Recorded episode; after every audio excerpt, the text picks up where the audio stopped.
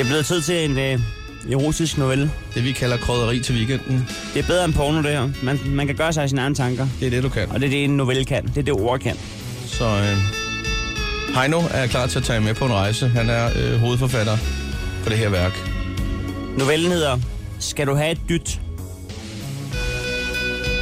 Det er fredag eftermiddag på Anemonevej i Forborg. Kirsten har sommerfugl i maven. Og det skyldes to ting. 1. Hun skal til køreprøve i dag. 2. Hun har spist en tørre sommerfugl som salattilbehør. Kirsten har forsøgt at tage kørekort i tre år og to måneder. Hun har dumpet 14 køreprøver i skrivende stund.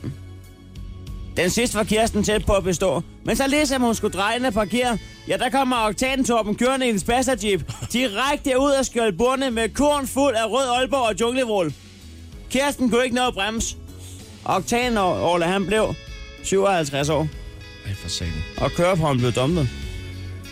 Kirsten sidder nu ved siden af motorsavkyndig. Og det er ikke fordi, han er god med en motorsav, at han hedder motorsavkyndig. Det er fordi, han er savkyndig i motor, der sidder i en bil. Hun åbner en øl og stiller i holderen. Hvad laver du, Kirsten, siger han. Ja, må man ikke godt have en promille på 0,5? Jo, men du må sgu da ikke drikke til køreprøven. Kirsten kører afsted og kommer godt fra start. Det ene gear tager det andet. Hun blinker derude af, når hun drejer. Hun orienterer sig, og ikke kun om kørelæren, men også om trafikken. Pludselig er der en folkeskole, og Kirsten er ved at blæse skuldpatruljen ned med 87 km i timen. De springer for livet, mens skolebordtennisbat flyver rundt gennem luften. Motorsavkyndig træder på bremsen, og køreturen må betegnes som verden er slut. Kirsten ved godt, hun er dumpet, men i dag har hun en plan. Kirsten er nedringet og er bundløs. Hun kigger på motorsavkyndig, som sidder stiv som et bræt op ad passagersædet. I chok over, hvad der netop er hent lige foran hovedet på ham.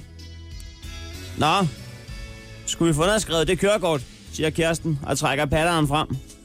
Hun smider dem op på instrumentbrættet og bruger den ene babs til at dytte med. Uh, uh. Vil du stoppe øjeblikkeligt, Kirsten, sagde motorsavkyndig.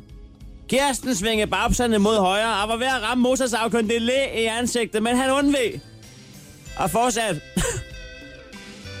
Kirsten, du er dumpet, og din mave rumler. Jamen, det er fordi, jeg har sommerfugle i maven. Dem vil jeg så gå hjem og få ud nu.